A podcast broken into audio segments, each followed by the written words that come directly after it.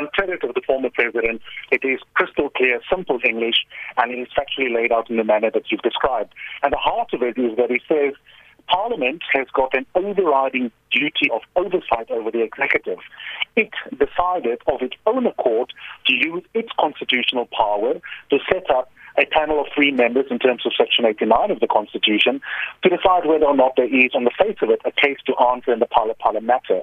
The key recommendation was we don't quite know, but have another look.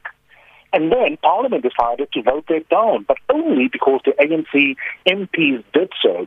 And what Thabo Mbeki is now saying, the former president, Sakina, is if you take constitutional supremacy seriously, and if you take accountability to the proverbial masses seriously, and the revolutionary nature of the party seriously, these are all words that he uses, not mine, then you have got to say, as the parliamentary caucus, that you put your constitutional national duty ahead of your duties inside the party and make sure that you have a full-fledged investigation.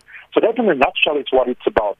And it is significant because former presidents of parties do not like to step into the political arena and to overshadow the government of the day. That tells you, to Fikile Mbaluna's point in the clip that you've displayed, precisely how seriously the former president takes it, such that he took the risk, A, of speaking out, and B, of there being a leak.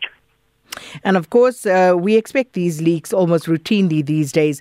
But, you know, Eusebius, in terms of uh, what the former president outlines, you know, and he makes reference to uh, the precise issues, uh, the way the party voted on um, the Phala yes. panel report, on uh, the motion on Phala Phala, and of course, uh, the motion on Eskom.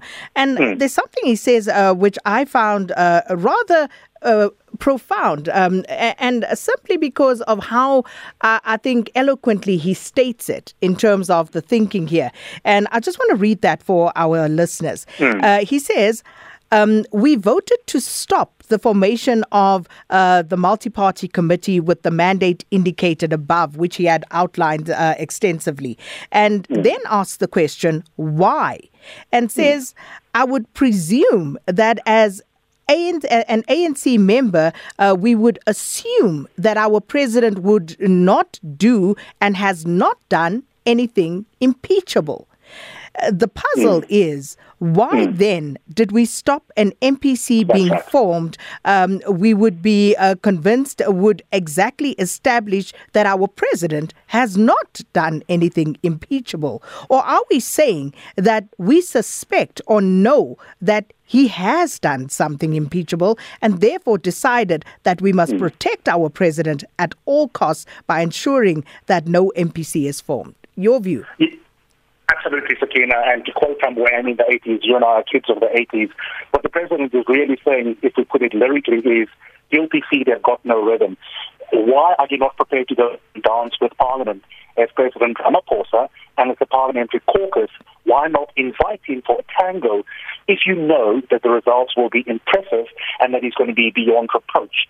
And so what the president is saying, there is stink that is going on here, and you are in fact creating a story when you you have faith in your president not being a constitutional delinquent, and that is significant. But what I want to add just before we wrap, Sakina, is that the larger question is is there something else going on here beyond the minutiae of the sentences that you and I have analyzed?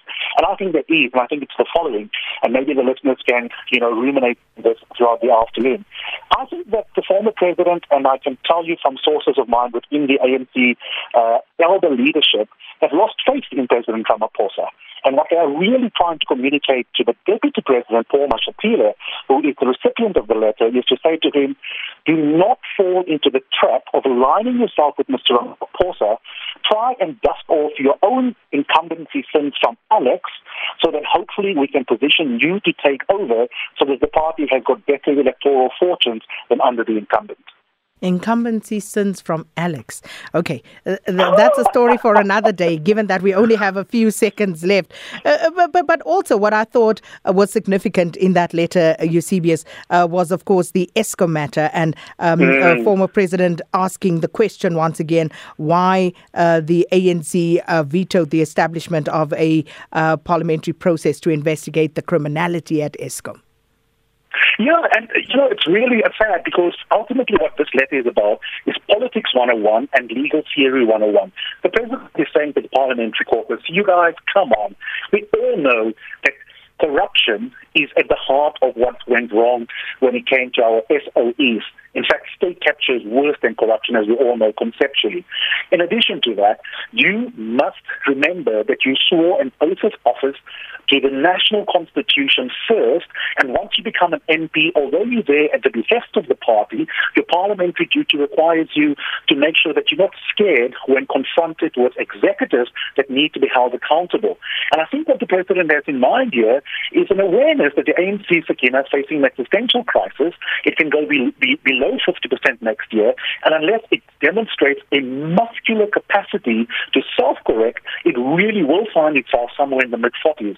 So in a sense, what he's doing is not to embarrass them, as the SG imagined, but to really tell them, guys, we've got one shot at not having disastrous results next year. Let's get it right. And of course, reminding them of mistakes of the past in Kandla and uh, judgments from the Constitutional Court, etc. But of course, that's all our time. Thanks so much, Eusebius McKaiser.